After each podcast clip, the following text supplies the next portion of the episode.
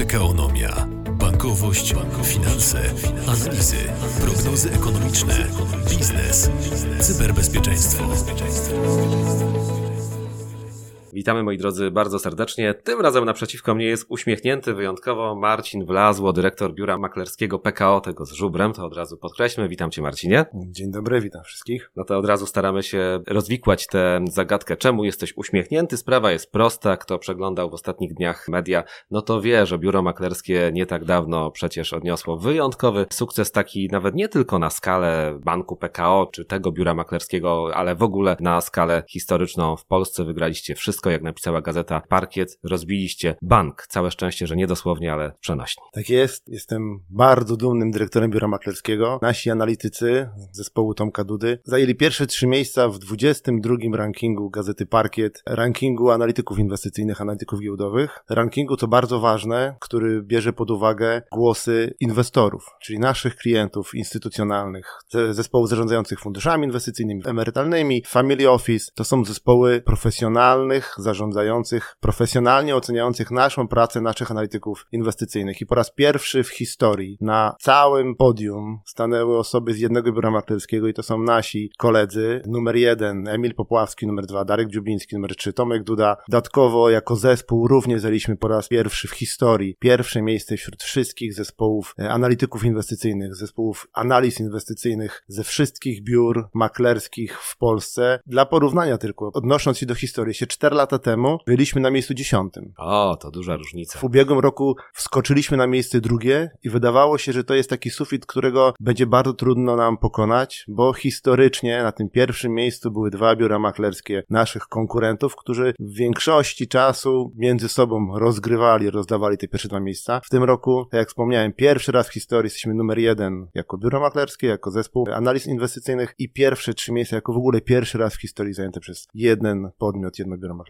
No ale mam też złą informację, Marcin, to teraz już będzie trudno pobić ten wynik chyba. Jak zwykle najtrudniej jest utrzymać się na szczycie, ale do odważnych świat należy i takie no, wyzwania tak. sobie stawiamy. To jest ogromny sukces. Patrząc na liczbę osób, które zostały wyróżnione z naszego zespołu, to musimy jeszcze wspomnieć też poza tymi trzema osobami, poza trzema e, analitykami, którzy zostali wyróżnieni w rankingu indywidualnym, to w tym rankingu oceniane są jeszcze również analizy sektorowe. I w każdym z sektorów Również mamy top 3 analityków wyznaczanych przez takie podobne głosowania jak przy tym zbiorczym i wśród trzech najlepszych analityków w swoim sektorze trzeba jeszcze wspomnieć Michała Fidelusa, który zajął drugie miejsce w sektorze banków, jest Krzysiek Kozieł, czyli jest nas tam więcej niż tylko te trzy osoby, które na początku wspomniałem. Cały zespół zasługuje na ogromne, ogromne brawo i ogromne gratulacje. Marcinie, ta nagroda, co jest e, bardzo ważne, już zresztą o tym też wspomniałeś, to taka, która jest e, właściwie przyznawana przez klientów, bo to to oni was oceniają. Tak sobie myślę, może trochę porównując przez jakiś taki pryzmat bardziej nam oczywisty i znany z nagrodami na przykład publiczności, czy możemy tak powiedzieć, że to jest takie coś wyjątkowego, cennego, bo nie kapituła tu oceniała, tak. ale wasi klienci, z którymi pracujecie każdego dnia. To jest właśnie bardzo ważne, że to jest, wydaje się, jeden z najbardziej obiektywnych rankingów, które są być może nawet na świecie, bo wybierającymi, głosującymi są nie eksperci, którzy w jakiś subiektywny sposób próbują ocenić jakość raportów im dostarczanych, co użytkownicy tych raportów. Każdy z zespołów, 56 zespołów zarządzających analityków, wypełniał ankietę i w każdym sektorze wyznaczał trzech najlepszych według niego analityków danego sektora. I wśród tych trzech analityków tak często pojawiali się nasi koledzy, że zajęliśmy tak wysokie eksponowane miejsca. To jest ranking pracy, którą nasi koledzy z Biura Analiz Inwestycyjnych wkładają w codzienny kontakt z klientem, bo pamiętajmy, że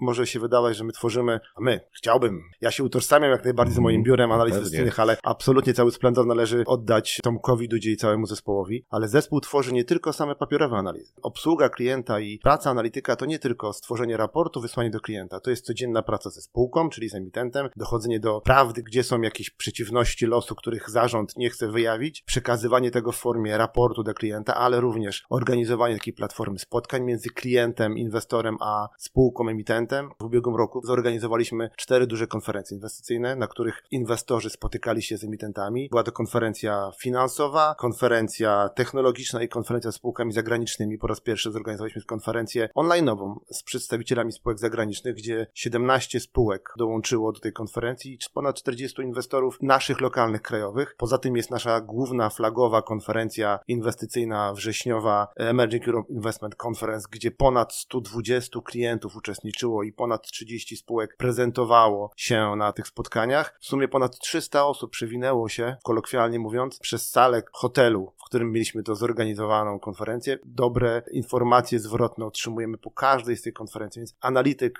to jest praca z emitentem, wyszukiwanie danych, kontakt codzienny z klientem, omawianiu tych danych i raportów, ale również organizacja i praca przy takich dużych platformach kontaktu między sprzedającym i kupującym. No tak, no i rozumiem, że na koniec to właśnie inwestorzy dzięki tym analizom od super naszych, czy waszych, mogę tak powiedzieć, no ale naszych w sumie też, bo to przecież nasza bankowa duża radość, od tych analityków po tych raportach rozumiem, że dokonują wyboru, w co inwestować. Tak. I to są zwykle trafne wybory, tak chyba można powiedzieć, analizując choćby wyniki tego konkursu. Wyniki rankingu pokazują, że nasi klienci, inwestorzy ufają naszym analitykom. Tylko to zaufanie nie polega tylko na tym, że kupują w ciemno liczby, które wychodzą z raportów naszych analitycznych, że spółka XYZ będzie kosztowała za rok 150 zł albo 200 albo 1000 zł. To nie wystarczy inwestorom instytucjonalnym, profesjonalistom, żeby uwierzyć w sam raport analityczny. Oni muszą widzieć sens, metodologie, które wewnątrz są w raporcie włożone. Oni muszą mieć możliwość zweryfikowania takiego sposobu myślenia na jednego czy drugiego analityka i możliwość, po polsku mówiąc, challenge'owania założeń, które... Po polsku challenge'owania, tak, okej. Okay. Tam jest przez czy.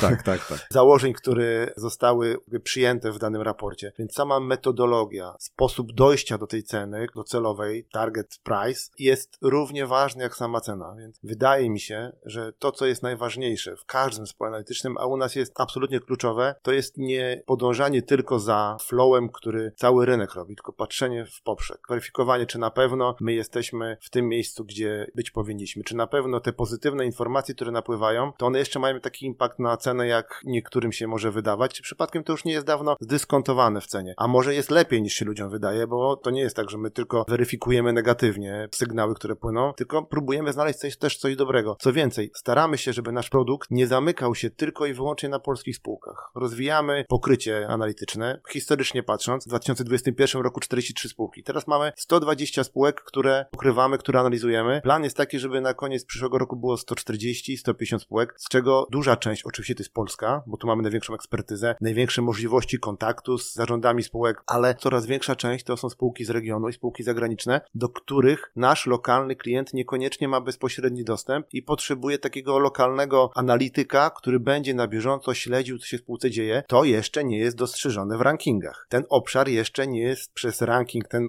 w którym mówimy, z którego się tak bardzo cieszymy, pokryty. Czyli mamy to za rok. To jest. Pracujemy na tym, żeby i to zostało zauważone. Mhm. Mamy zespół dedykowany do właśnie spółek zagranicznych. Mamy zespół, który przygotowuje metodologię ESG jako chyba pierwszy czy jedyne biuro maklerskie w naszym kraju. Do każdej spółki, którą analizujemy, przyznajemy jej również nasz ranking ESG, który pomaga, bo nasi klienci mają wymóg teraz również analizy ESG, inwestycji spółek, które mają w portfelach, więc to są rzeczy, które dokładamy słuchając potrzeb klienta. Jeśli będzie coś jeszcze potrzebne do zrobienia, jesteśmy gotowi to rozważyć dalej. Wiemy, gdzie jeszcze mamy braki, bo to nie jest tak, że ten świat już model nasz jest idealny. Pracujemy nad nowymi produktami, nowymi sposobami dotarcia do klienta, dystrybucji raportów. To, że jesteśmy na szczycie, tak jak to jest fajnie. Teraz musimy się utrzymać na tym szczycie. Będzie trudniej, ale podołamy.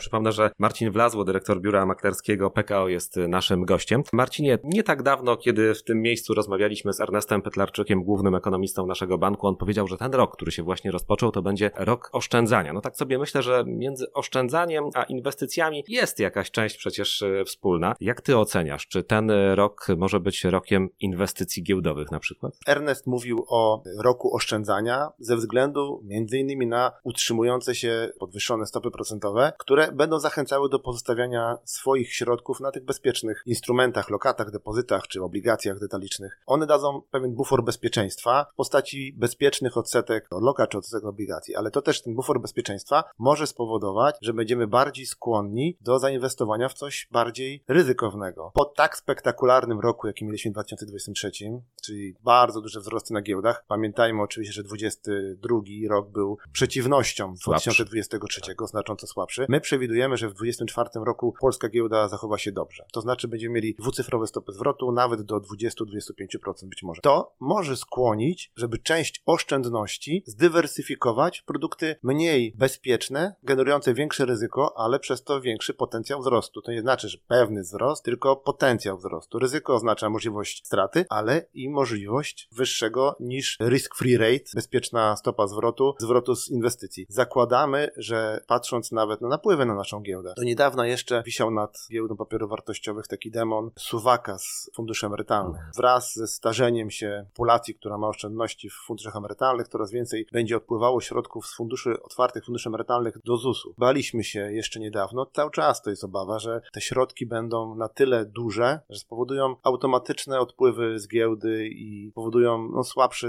zachowanie polskiej giełdy. Jak patrzymy na to, jak wygląda coraz wyższa partycypacja w PPK, w jaki sposób kształtują się dywidendy ze spółek, nam wyszło, że napływy w ciągu następnych kilku lat będą pozytywne, nie negatywne, pomimo Słowaka z OFE. Więc jest kilka symptomów, które mogą wskazywać, że obawy przed słabym zachowaniem giełdy, powiedziałbym technicznie, nie fundamentalnie merytorycznie, technicznie, można może nie zapomnieć, ale już się takich nie bać. Gospodarczo, tak jak Ernest wspominał, dołek mamy za sobą. Stopy procentowe są podwyższone, ale nie tak wysoko, żeby zabijały gospodarkę. W związku z tym makroekonomicznie i fundamentalnie też jest całkiem pozytywny sygnał. Konsumenci dochody mają stabilnie, teraz mamy znowu, oczekujemy wzrostu dochodu rozporządzalnego. To wszystko może spowodować, że inwestycje w produkty ryzykowne, w tym również giełda, mogą się pojawić dużo w większym stopniu niż miały to miejsce w 2023 roku. Hmm, no więc chciałem na koniec Cię zapytać, czy można na giełdzie dużo zyskać? Właściwie już odpowiedziałeś, to zapytam inaczej, czy można stracić? Zawsze. Zawsze. Na każdej inwestycji musimy Jest pamiętać,